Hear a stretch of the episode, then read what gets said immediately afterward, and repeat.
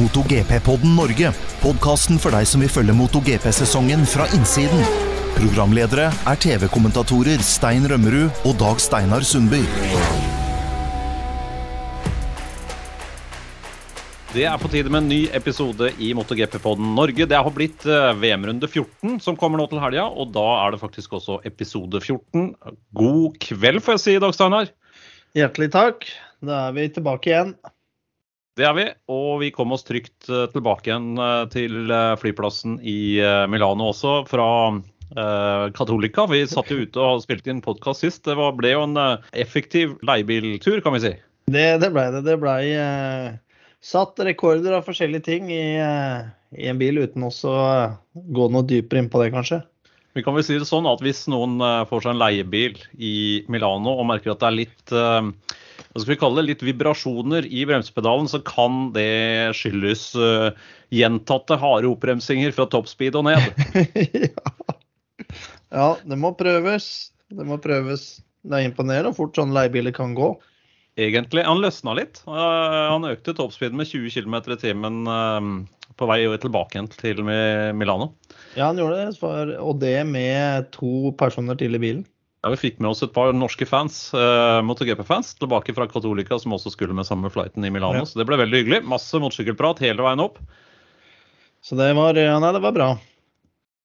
Men i dag så skal vi se litt nærmere på VM-runden på Motorland Aragon, som kjøres nå til helga. Og vi skal oppsummere Misano-testen, for det ble jo kjørt tester etter at vi forlot åstedet. Så ble det kjørt tester både på tirsdag og onsdag.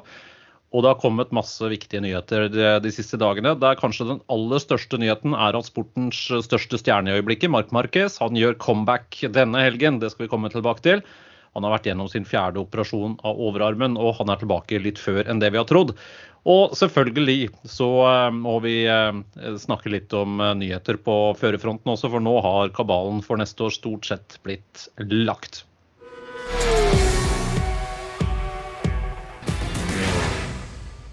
Det ble kjørt tester på Misano Dag tirsdag og onsdag. En av veldig få offisielle MotoGP-tester gjennom eh, sesongen. Eh, Det var jo eh, gode tider som ble lagt, og det er kanskje ikke så rart, for da var jo asfalten metta med Michelin-gummi, og teamene hadde kjørt masse masse runder, hadde mye data å støtte seg på.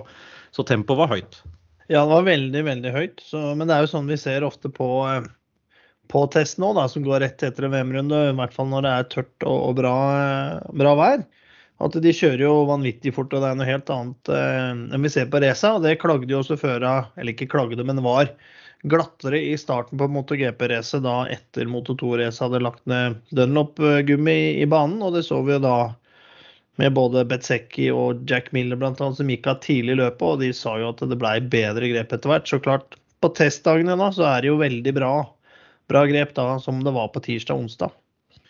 Og nå begynner det jo å nærme seg i slutten av sesongen. Det var jo VM-runde 13 som ble kjørt øh, på Misano. Eller vent nå, det var kanskje VM-runde nummer- nummer 14, tror jeg faktisk. Ja.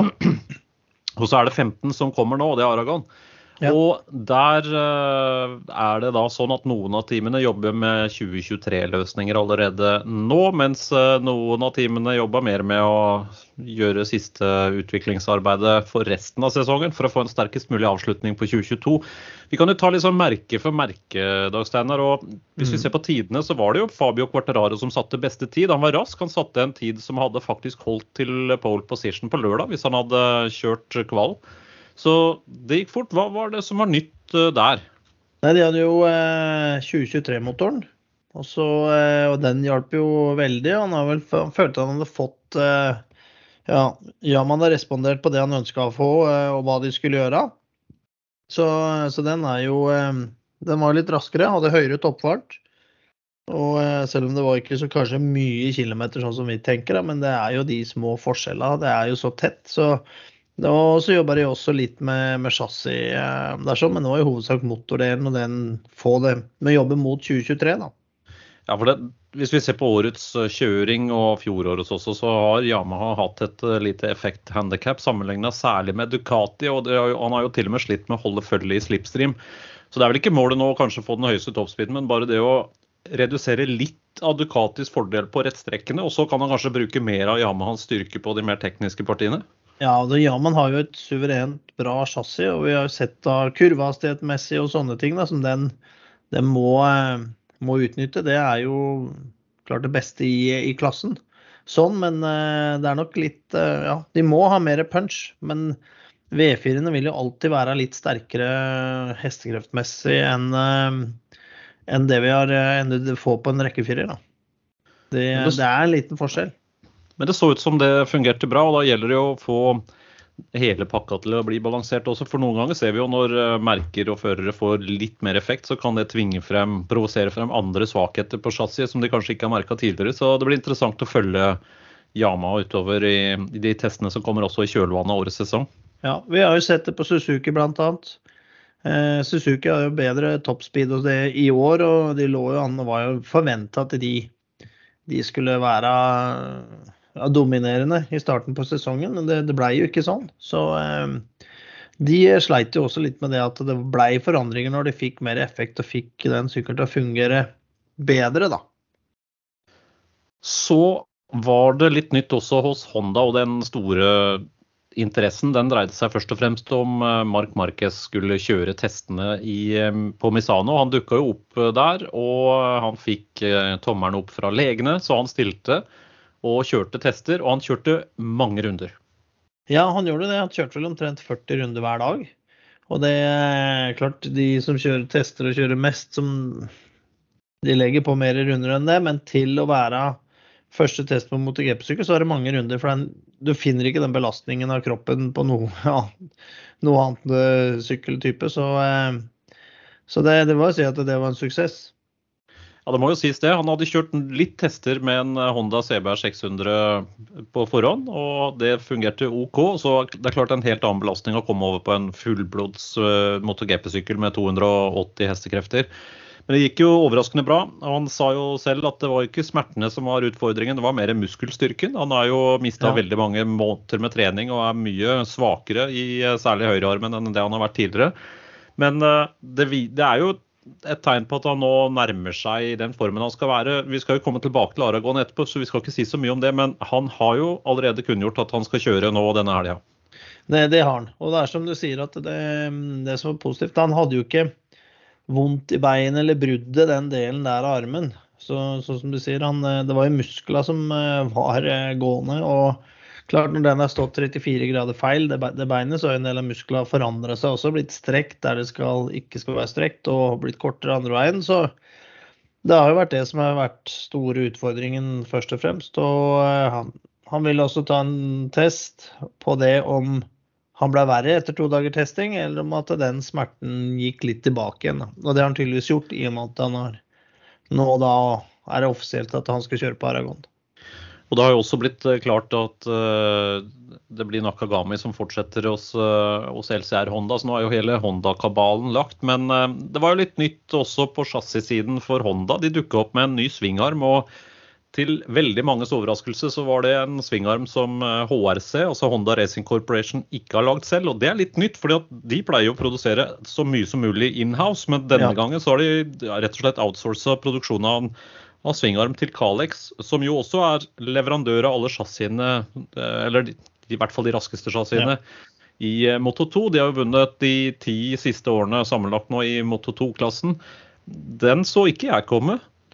Nei, ikke jeg heller. For det er som du sier, de har jo alltid lagd eh, inhouse på Honda. Da. Alt som var det Ja, når var det de gikk over Gikk bort fra Nissin og Shova komponenter som også er laga liksom er under Honda-paraplyen. Det drøyde jo en stund, men det ja.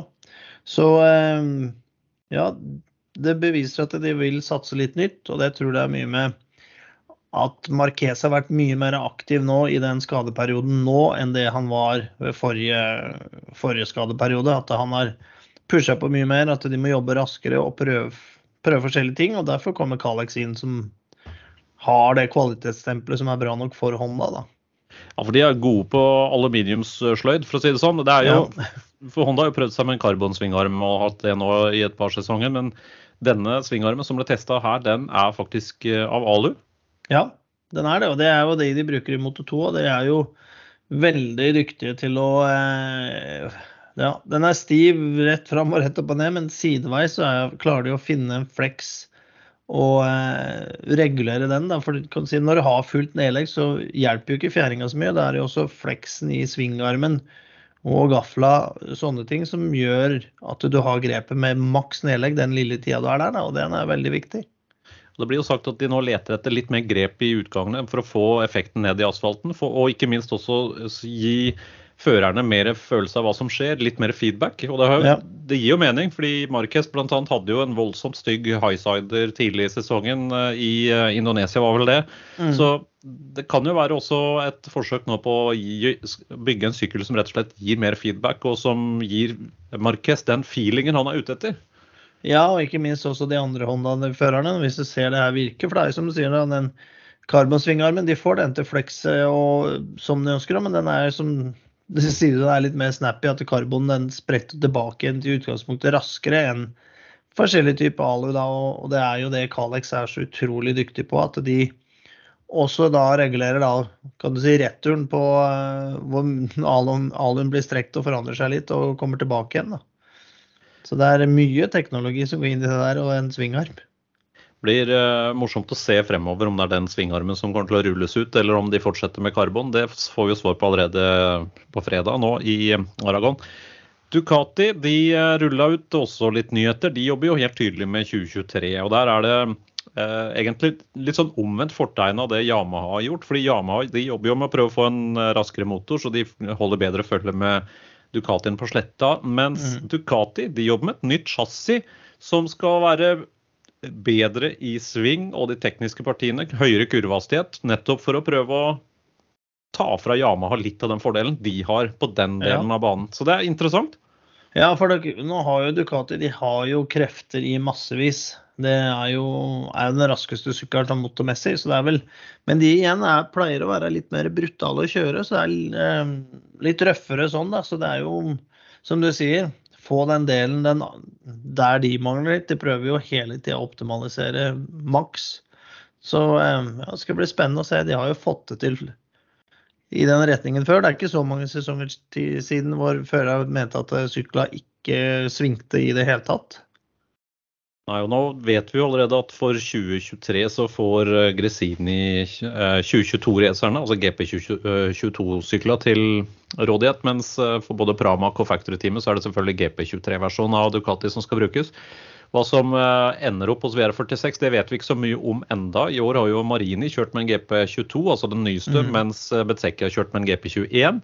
Om eh, det blir noen endringer på det til neste år, sånn at eh, både Marini og Bezzecchi får GP23-raceren, det vet vi ikke ennå. Men eh, det svaret får vi så fort Ducati slipper noen nyheter om det. Hvis vi ser på de andre merkene, Suzuki hadde jo veldig lite å teste, men litt Ja. overraskende. De satte jo en spennende fører på den sykkelen på tirsdag. Ja, Dominic Agerter han ble drafta inn for å, for å teste den. og Det er jo litt med at han har kjørt i Moto 2 i så mange år som han gjorde, kjenner banene. Og eh, vært dyktig da til å Han vant jo VM i Supersport 600 i fjor, og vant jo el e-bike eh, i år. Han er veldig sånn ja, fleksibel eh, fører som kan gå fra ene sykkelen til den andre, og så får det til å fungere. Så var vel litt det de skulle teste. Og han er vel også da siden han vant eh, e-bike nå, så er han tilgjengelig hvis han trengs. Så det er ikke så mange førere som er tilgjengelig på det nivået der til å være erstatningsfører på denne tida av sesongen. Nei, for Det var vel da i tilfelle Johan Mir ikke kan kjøre. Han skada seg jo i ankelen etter denne highsideren i Østerrike, var vel det. Mm. Så det er klart det er jo litt sånn helgardering i tilfelle det skulle vise seg at Mir ikke var tilgjengelig på eh, Aragon, eller at han ikke var i stand til å kjøre, så skulle Agerte kunne steppe inn. Han Mm. kjørte fort, han var 2,6 sekunder fra Quartararos beste tid, så det betyr han er godt innenfor de 105% som skal til for å kvale inn. Sterkt på første gang på en MotoGP-sykkel. Ja, og imponerende hvilke tider han, eh, han satte der til å ikke ha vært på en MotoGP-sykkel før. Han er jo en Så- tøffing. Det er morsomt Ja. å se. Han er jo litt sidelengs og litt lus. og Ja. eh, Det er ikke så mye angst ute og Nei, det er ikke det. det, er ikke det. Han eh, kjører publikumsvennlig. Og eh, har jo gjort det veldig bra også i World Supersport. Så Ja. vi får se. Det blir eh, interessant å se om han får flere muligheter utover. Han er jo en rutinert fører med masse trøkk og offensiv holdning til roadracing, kan vi kanskje si. Det, det er vel rett måte å si det på, ja. Ett merke igjen, KTM. Der var det fram med den der svanehalsen igjen. Den merkelige eksosen. Den så vi. Ja. Men eh, du hadde litt nyheter. Det var bakramme, sits og tank også. Ja, de har gjort om det litt grann sånn for å eh, Ja, de har redesigna eh, hele liksom, kan du si, sitteramme, hekken, bensintanken. Det er jo De har jo fått eh, over en av teknikere fra Ducati som var med og utvikla det til i år. Og det begynner å ligne litt mer eh, litt Ducati-style på, eh, på også den KTM-en. De har også gjort det mer plass under setet, da med tanke på at eh, de skal kunne senke sykkelen mer med ride-out-devicen bak. da, Så gitt mer plass der. Eksosen har også lagt om litt. Litt rundere kurver og lagt på sida i stedet for midt under, da, det topprøret. Så eh, ja, det blir spennende å se. Og det er vel først og fremst en test med tanke på neste år, da, 2023. Ja. Vi tviler vel på at vi får se det chassiset i år, eller hva tror du? Nei, jeg veit ikke. Det hvis det funker, så pleier jo KTM å være rimelig raske til å hive seg rundt. Selv om de har sagt at de skal ikke drive med testvirksomhet under raca nå, men hvis det funker veldig bra, og kanskje det og førerne er veldig komfortable med det, så, eh, så kan det hende de bytter. De, de har jo kapasitet til å gjøre det. Det svaret får vi etter hvert. Nå skal vi snakke litt om eh, andre nyheter vi har plukka opp den siste uka.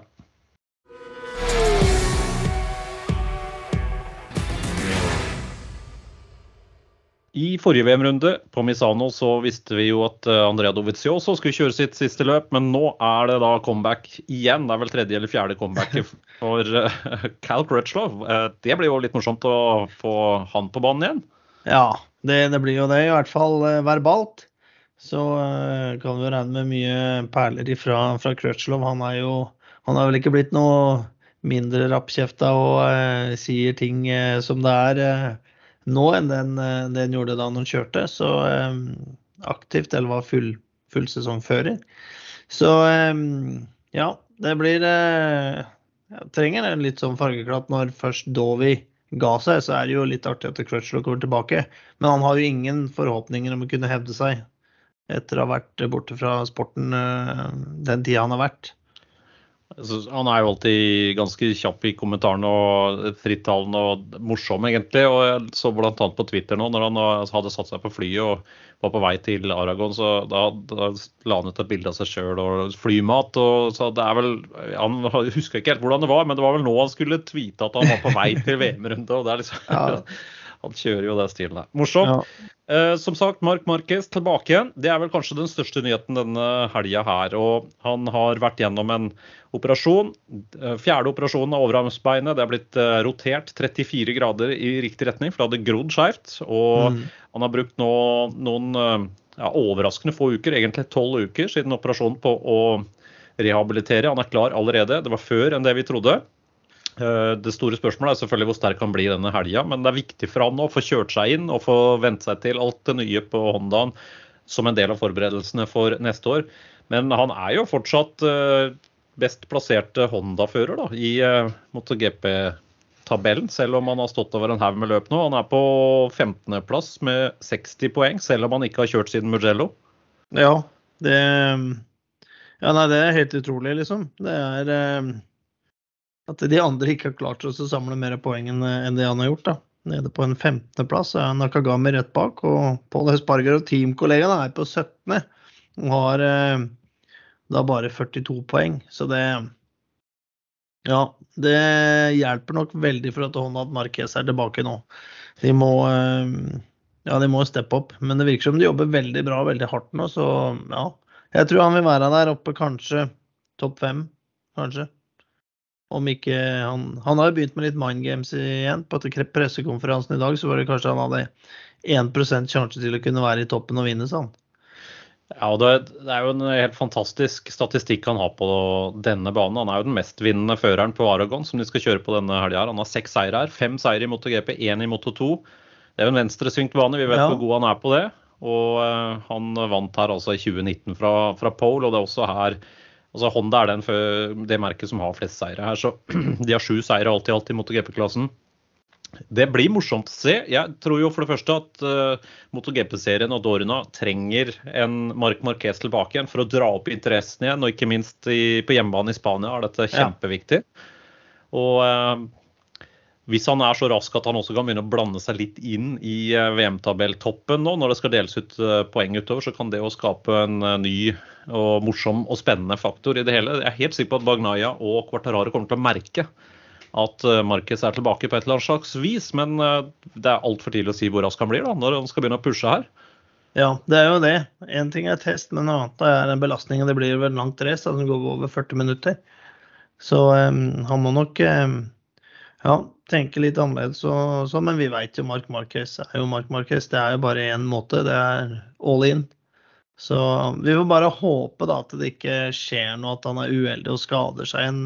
For nå er vi helt avhengig av å ha en Mark Marquez som er frisk og rask og kan blande seg inn, sånn som du sier.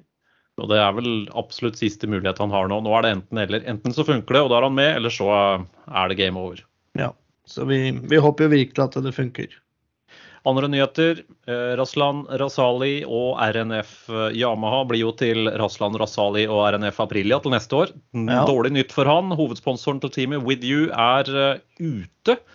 Det har mhm. vært vittige tunger som sier at RNF står for Raslan Needs Funding. Det er vel kanskje mer sant enn noensinne. Det er kritisk. Han må få inn mer penger hvis det skal bli en full Aprilia-satsing i 2023. Ja, det er klart. Teamet har jo støtte fra Dorna. Eh, det var jo prat om et budsjett på 12-13 millioner euro på en sesong for RNF. Eh, de får bra støtte, payback fra Dorna. Og så er jo førerne er jo, eh, har jo kontrakt direkte med Aprilia. Så den delen tar Aprilia seg av. Så men klart han trenger, trenger å få, få inn sponsorer. Og det er jo nå det andre gangen på hvor sponsorkontrakter blir brutt før kontraktstida har gått ut for, eh, for RNF eller Raslan Rasali. Og eh, ja, nå er det jo energikrisa det skyldes på, pga. det er en energiinvestor eh, og, og firma da, Vidju, som leverer mye forskjellige løsninger da, i Italia. Og de er jo inne i en vanskelig periode nå, så klart det, det har rent mye penger ut av, av den sekken nå. Det er eh, en ny utfordring altså for Raslan Rasali og RNF. Det vi vet er at han da blir ansvarlig for Aprilias satellitteam til neste år. Og de skal i utgangspunktet overta årets Aprilia-racere. Så det blir 2022-sykler i eh, deres team i 2023, men med tett oppfølging og masse utviklingsarbeid for Aprilia. Så de syklene kommer helt sikkert til å bli konkurransekraftige. Men før det skjer, så må Raslan Rasali også får på plass eh, et eh, sponsorbudsjett. Så er det noen av lytterne på podkasten som har 10-20-30 eh, millioner euro liggende og slenge, så er det en fin mulighet til å bli kvitt de penga. Andre nyheter. Cameron Bobier er på vei ut og tilbake igjen til Moto America. Han har jo vunnet fem ganger i Moto America-serien i superbike-klassen. Og han skal tilbake igjen for et team som heter Titler Cycle BMW. Og blir da BMW-fører i mot Amerika til neste år, sånn det ser ut nå. Er du overraska, Dag Steinar? Nei, jeg er vel ikke overraska sånn, men jeg syns det er synd. Jeg hadde håpa vi har sett uh, tendensene han har hatt i enkelte race, og så har han jo vært eh, langt der oppe og, og sånn, men det har liksom vært stang ut, ikke gått veien. og det viser hvor hardt og vanskelig det er å komme inn da, og ikke ha vokst opp på banene i Europa bl.a., hvor det kjøres en del av raca kjøres. Vi ser jo da de førerne som er gode, det er jo, er jo stort sett fra, fra, Europa. Så ehm, nei, det virker som det er vanskelig, å forstå det. Nå er han jo er han vel passert 30, har han det? Eller er han helt i slutten av 20-åra? Så Og eh, nå har han vært og prøvd i to sesonger, og hvis han da blir da lokka hjem igjen med en veldig bra deal med BMW der, da, og da bo hjemme og se familien gjennom hele sesongen er nok en eh, ja, det er vel ikke, var ikke så vanskelig valg, tror jeg. Nei, så han skal tilbake dit, og det er jo gode penger å tjene også i den amerikanske ja. serien. Det er vel bedre økonomi for han personlig antageligvis å være med i toppen der, enn å drive og kjøre litt sånn berg-og-dal-bane resultatmessig i Moto 2-klassen. Mye, mye bedre. Og, og, målet var jo å komme til MotoGP, var derfor han kom. Og nå er han Jeg tror han har passert 30. Og han ser vel det at det er ikke noe dør åpen der på i nær framtid i det hele tatt. Så da er nok det et lurt valg for han personlig. Og han får eh, en teamkollega som heter Corey Alexander. Han vant Stokk 1000-mesterskapet mot Amerika i år, så han rykker opp til superbike neste år. Så det er én eh, rutinert og en ganske ung fører i det BM-teamet til neste år. En annen fører som også skal ut av Grand Prix-sammenheng, det er Remi Gardner. Gardner ja. har eh, dessverre ikke fått fornya tillit. Det snakka vi jo om i episode 13 av podkasten. Vi hadde til og med en liten prat med KTMs motorsportsjef Pitt Beirer. Så det er, eh, det er synd for han. Det er game over der. Um, skal til World Superbike, kjøre Yamaha som det ser ut nå. Jeg tror det blir bra jeg, for Gardner. Det passer. Vi passer han veldig, veldig bra. Hvordan det er ja, både racingen og ja, stemningen og alt sånn i depotet. Det er litt mer relaxed eh, atmosfære enn i MotoGP. Ja, så han skal til eh, GRT Yamaha i World Superbike. Sånn det ser ut nå, det er uh, Bl.a. Speedweek har, uh, har, skrevet det. De, de, hevder jo at det er nært en kontrakt. og Det samme har jo faktisk også stått på worldspk.com, som er den offisielle nettsida til Superbike-VM, og da nærmer det seg jo veldig. Så han blir antageligvis å finne på en R1 i eh, Superbike-VM til neste år. Mm. Litt synd for serien, syns jeg. Fargeklatt, morsom fyr. Men det... han er jo i en sånn fase av karrieren at han må bare ta de mulighetene han får nå og ja. gjøre det beste ut av det. Ned under kåpeglasset, stram vaier og jobbe på. Ja, ja, for, ja MotoGP, den, den, delen var over for han. Det, så tror jeg det blir veldig vanskelig å komme tilbake. Men han kan ha stor suksess i, i World Superpark også. Det er jeg helt uh, overbevist om, og blir jo morsomt å se han da, på samme merke som Toprak Raskat Lioglo, som ja. kjører for Pata Yamaha i uh, Superbike VM. De blir jo konkurrenter. Skal bli veldig morsomt også, å se hvordan de matcher hverandre. Så all mulig grunn til å følge med på World Superbike til neste år også. En serie som i år har blitt veldig, veldig bra, spør du meg. Um, andre nyheter. Augusto Fernandes fra Moto2. Vi venter jo på en nyhet der, at han skal opp til Tek 3-teamet i MotoGP-sammenheng. Overta plassen til Remi Gardner. Vi uh, hørte jo i forrige podkastepisode at Pete Beirer gikk ganske langt i å si at det kan være en Moto2-fører som tar den plassen. Men det har ikke kommet noe offisielt ennå om det? Nei, det, det, har ikke det. Det har ikke eh, vært noe annet enn at det er antydning at det er sånn det blir. Så um, jeg tror vi får vente og, vente og se litt. Men alle de andre løse trådene som eh, vi snakka om i podkasten i forrige episode, de har nå kommet på plass. Vi vet mm. at VR46-teamet vil bestå av eh, Luca Marini og Marco Bezzecchi. Det er klart, og vi vet også at Nakagami nå fortsetter hos LCR, akkurat sånn som vi spådde. Så ingen uh, nyheter eller overraskelser der, altså. Det er kun den siste plassen hos Tech 3 vi ikke har uh, fått bekrefta. Det, det, er sant. Hos en annen fører som uh, ja, litt tøft, det er John McPhee i den minste klassen, Moto 3. Han har jo blitt for gammel neste år for uh, Moto 3-klassen. Der er det en større utfordring å finne en uh, ny styring i et eller annet mesterskap. For uh, han hadde én test på Moto 2 i fjor. Det funka ikke noe, noe, særlig. Han var nest sist. Så han, overgangen fra Moto 3 til Moto 2 er nesten like stor sier de, som til Moto GP. Det ser vi jo på Darren Binder også. Det har jo gått ganske bra, egentlig. Men altså, John McPhee, han ja, det blir spennende å se. Jeg tror kanskje han kommer til å havne tilbake igjen i England. Det kan tyde på det. Vet vi noe mer om eh, Darren Minder, forresten? Eh, jeg tror han kommer til å havne i Moto 2. Var det Dynavolt som var eh, eh, aktuelt team? Eh, var det noe snakk om det? Vi får eh, sjekke litt nærmere, for vi kommer ja. tilbake på sendinga på lørdag på Viaplay og V-Sport 3. Ellers, eh, ja, det var vel egentlig de viktigste nyhetene. Hvis ikke du har noe mer på hjertet på den delen? Nei, ikke, ikke nå. Da kommer nok på det. kommer nok på det, ja. Da skal vi over til uh, VM-runde nummer 15, Aragon, som kjøres til helga.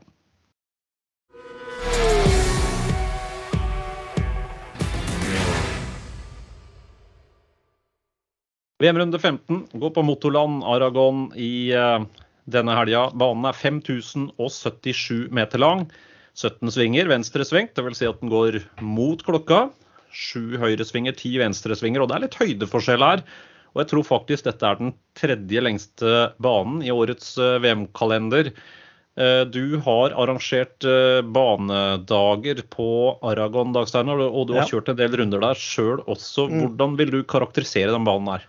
Det er en bane som er eh, Det er en veldig interessant bane. Så utrolig bra. Den, når man ser det på som min egen erfaring, vi så det på eh, MotoGP-race og vi kommenterte det, ikke, ikke var der i forhold til å kjøre det, så er det den er mye mer teknisk enn det det ser ut til eh, når man ser det på, si, på TV og race. Den banen har en forskjellig rytme. Du har ikke én type flow gjennom hele. Det er mye det brytes opp. Noen steder litt stopp and go-følelse, og ikke minst da, som du sier da, eh, høydeforskjellene. Den korks, ned corkscrewen så er det en god dropp. Også ganske bra mye dropp ned siste delen før du kommer ut på langsida. Og, eh, og ikke minst Marques corner er en, en ekstrem lang venstresving hvor du ikke har noen referansepunkter å, å, gå etter, og du ser ikke innbremsinga, for det er en kule der. Så det er, gjør det bare enda mer imponerende å se når de kommer sidelengs over der, og kulen og bare går rett på brems og, og treffer den 90-graderen på nedsida av muren der, da. Og det partiet der. Så, så det er en ganske, ganske lang rettstrekke som går eh, nedover? Ja, det går nedover. Og inngangshastigheten i siste sving der, den er, eh, må være på MotoGP-sykkel og helt vanvittig høy. altså det, Hvor de går ut og snur og kommer over kulen igjen over startermål. For da går det opp, i, opp igjen opp på, på startermålet rett, rett strekka.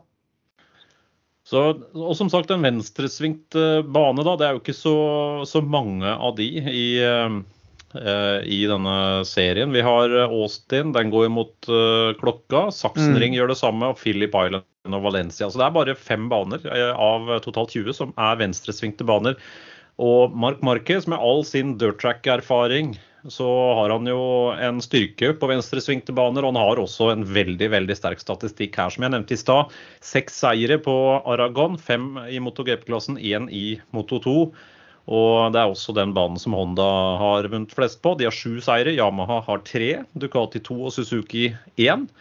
Og den eh, ene til Suzuki, det var Alex Rins i ehm, Det var vel i 2021, da.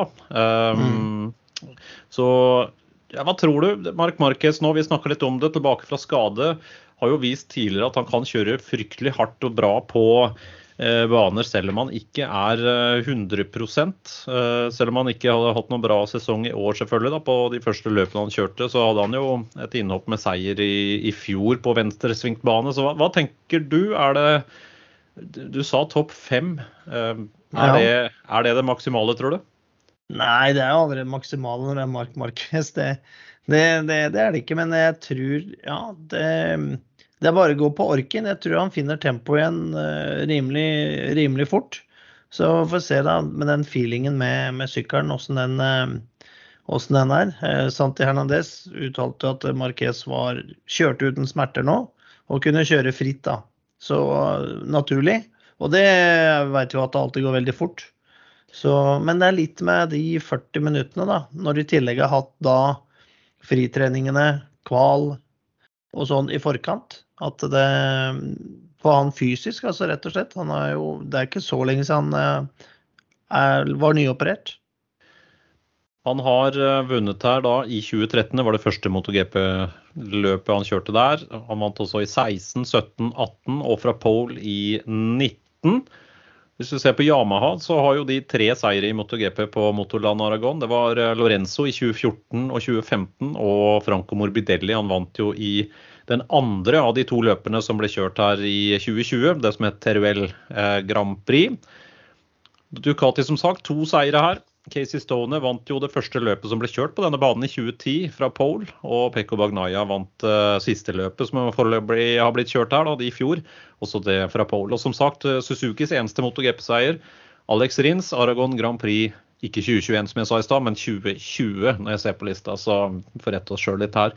Aprilias beste resultat. Fjerdeplass. Alveish uh, Espargaro i fjor. Og, ja. KT, og KTMs beste Resultat her er fjerde for Paul Espargaro i Teruel Grand Prix i 2020. Så det er vel, eh, det er vel litt av statistikken. Vi eh, vet jo at dette er en bane som eh, Fabio Quartararo sier er en av hans svakere baner i mesterskapet og det som står igjen nå. Vi vet jo at han leder mesterskapet. Han har 211 poeng.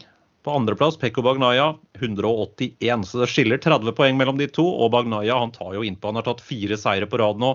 For Quartararo, Dag Steinar, det virker jo som det blir litt sånn det som vi i Forsvaret kalte for oppholdende strid. Han må jo ja. prøve her å, å, begrense skadene mest mulig. Er han i det hele tatt i stand til å vinne her, eh, tror du? Det kan han være, men jeg tror det blir veldig veldig vanskelig. Sånn som vi har sett tidligere år også. Da, og, og, litt med sånn som banelayouten er, med ja, litt, på en måte litt urytmisk. At det er forskjellige sektorer. Med, det er også mange steder hvor det er ordentlig high flow og raske svinger og sånn, men den, den, har sine sektorer som er, er mer forskjellige, syns jeg personlig, enn på andre baner. Så um, og det gjør også banen helt fantastisk utfordrende og, og morsom å kjøre. Men jeg tror Quartararo Som han sier, at det blir, blir tøffere her. Og, og, så ser vi også da eh, Marquez har jo vunnet flere ganger før, men så har også da Ducatiene blitt såpass mye bedre de siste sesongene. Da. Så da klarte jo også Bagnaya å vinne, vinne i fjor. Og, ehm, så jeg tror Ducati-førerne vil bli, bli harde å slå her også. Mm. Det blir uh, morsomt å følge. Jeg tror vi får et, uh, et, bra løp. Og det blir, tror jeg, også en liten X-faktor da, med, uh, med Quartararo. Det blir uansett, tror jeg, et spennende løp. Hvis hvis du må, må, gjette et par navn her som du tror er på pallen, hva tror ja. du? Jeg tror det her, med tanke på hva han gjorde i fjor, så tror jeg Bagnaya. Og i den flyten han er nå. Nå er han i en veldig god flyt. Igjen, eh, jeg tror Quartararo vil være bedre nå enn han har vært tidligere år. Men eh, ja, Aleix Espargaro kjører alltid bra her. Aprilian er bedre. Og så har vi også Vinales. Kan også være en, eh, en faktor. Også, ja, det, det, er vanskelig å spå, men jeg tror Bagnaya kanskje er den som i utgangspunktet bør være sterkest her nå når vi setter i gang i helga. Hva tror du? Mm, ja, vanskelig. Bastianini har vært bra i det siste. og Han viste jo styrke i forrige VM-runde også. Eh, mm. Og virkelig push mot bagnøya så det er vanskelig å avskrive ham. Hjemmebane, Jorge Martin. Um, ja. Han uh, bør vise litt mer styrke nå, syns jeg. Han, uh, nå er kontrakter og sånn for neste år på plass. Han skal fortsette uh, hos Pramac. Så hvis jeg må si et par navn Bastianini, Martin og Aprilia kommer til å bli sterke. Både Aleiche Spargaro og Maverick Vinales. Nå har jeg snart nevnt hele feltet her, så Ja, men det er jo det som er bra, da. Med, men vinner Trike Miller. Det, men han er jo litt Det glepper litt, liksom. Ja, jeg er enig. Jeg har vanskelig for å se at han er, eh, er helt i topp her. Han eh, kom vel på han jo, I fjor så sto han jo i andre startposisjon eh, bak Pekko Bagnaya. Han ble vel da fem i løpet. Da hadde han jo teknisk problem i, i fjor. Så jeg, jeg, ikke, jeg, vet ikke. Jeg, har, jeg, er veldig i tvil om Miller akkurat nå. Det virker som litt av motivasjonen har, har gått ut. Ja, han var veldig rask på Misano. Han klinka tydelig fra start, men det ble litt mye. så så det var jo som han sa på mediebrifen, han trodde han hadde det faktisk. Ja. Så han var all in i hvert fall, så ja. Det blir uh, uansett veldig morsomt å følge. Vi, uh, som alltid, vi kan gjette så mye vi vil, men det er jo when the flag drops, the bullshit stops, er jo noe som heter. Så svaret får vi på søndag. Ja. Vi, vi, skal overføre alle både kvaliker og, og, løp selvfølgelig på Viaplay og V-sport 3 denne helga. Så håper at dere følger oss uh, der. Ehm, er det noe vi burde ha snakka om, Dag Steinar, som vi har eh, glemt så langt? Nei, det er alltid det berømte været, da, som er dekk og sånn. Så jeg, jeg har ikke, jeg ikke sjekka noen eh, prognoser ennå, men det er jo alltid en faktor, eh, faktor, det. Ja, det er det jo selvfølgelig. Vi kan jo ta en lynkjapp titt her på ja, Nå fikk jeg opp feil Aragon. Det var Aragon på Costa Rica. Det hjelper oss ikke så veldig mye. Vi får komme tilbake til det, tror jeg. Ja, det gjør vi. Så, det ser vi. ja, det ser vi. Vi får jo, et, eh, vi får jo svar etter eh, eh, Altså i løpet av Ja, vent, da. Jeg finner den jo her, vet du. Um, Aragon, Spania. Vi får ta det når vi først er i gang. Mm, det ser ut som det blir uh, overskya på søndag. 19, ja, mellom 19 og 27 grader i løpet av dagen. Mm. Og sol på lørdag. Så da blir det opphold, i hvert fall. Det ser ja. ikke ut til å være fare for noe nedbør, i hvert fall på den værtjenesten jeg var inne på. Nei, det, nei, for det er jo Aragon så kan det jo eh, også være en del vind og sånn. Etter det jeg kan også se, så ser ikke det så, så ille ut heller. Så jeg tror det blir en veldig, veldig bra racehelg der oppe igjen. Det er bra. Ellers så får vi jo bare be om unnskyldning for at ikke forrige podkastepisode ble lagt ut uh, så fort som den burde ha blitt lagt ut på Apple Podkast. Den kom greit ut både på Soundcloud og på Spotify. Av en eller annen grunn så havna den litt sånn i, på ventelista til uh, Apple Pods. Men nå ligger uh, episode 13 ute med intervju både med Randi Mamola og Pit Beirer. Så hvis dere ikke har hørt den, så gå gjerne inn og, og hør på den. Vi skal eh, ta kvelden her nå. Vi skal forberede sending og er tilbake igjen da live på V-sport og Viaplay på lørdag med kvalifisering i alle tre klasser. Da får vi vel egentlig bare si som vanlig, abonner gjerne på podkasten. Send lenken til venner og andre MotoGP-fans. Og kjør pent, men sikkert. Ha det bra. Du har hørt MotoGP-podden Norge med programledere Stein Rømmerud og Dag Steinar Sundby.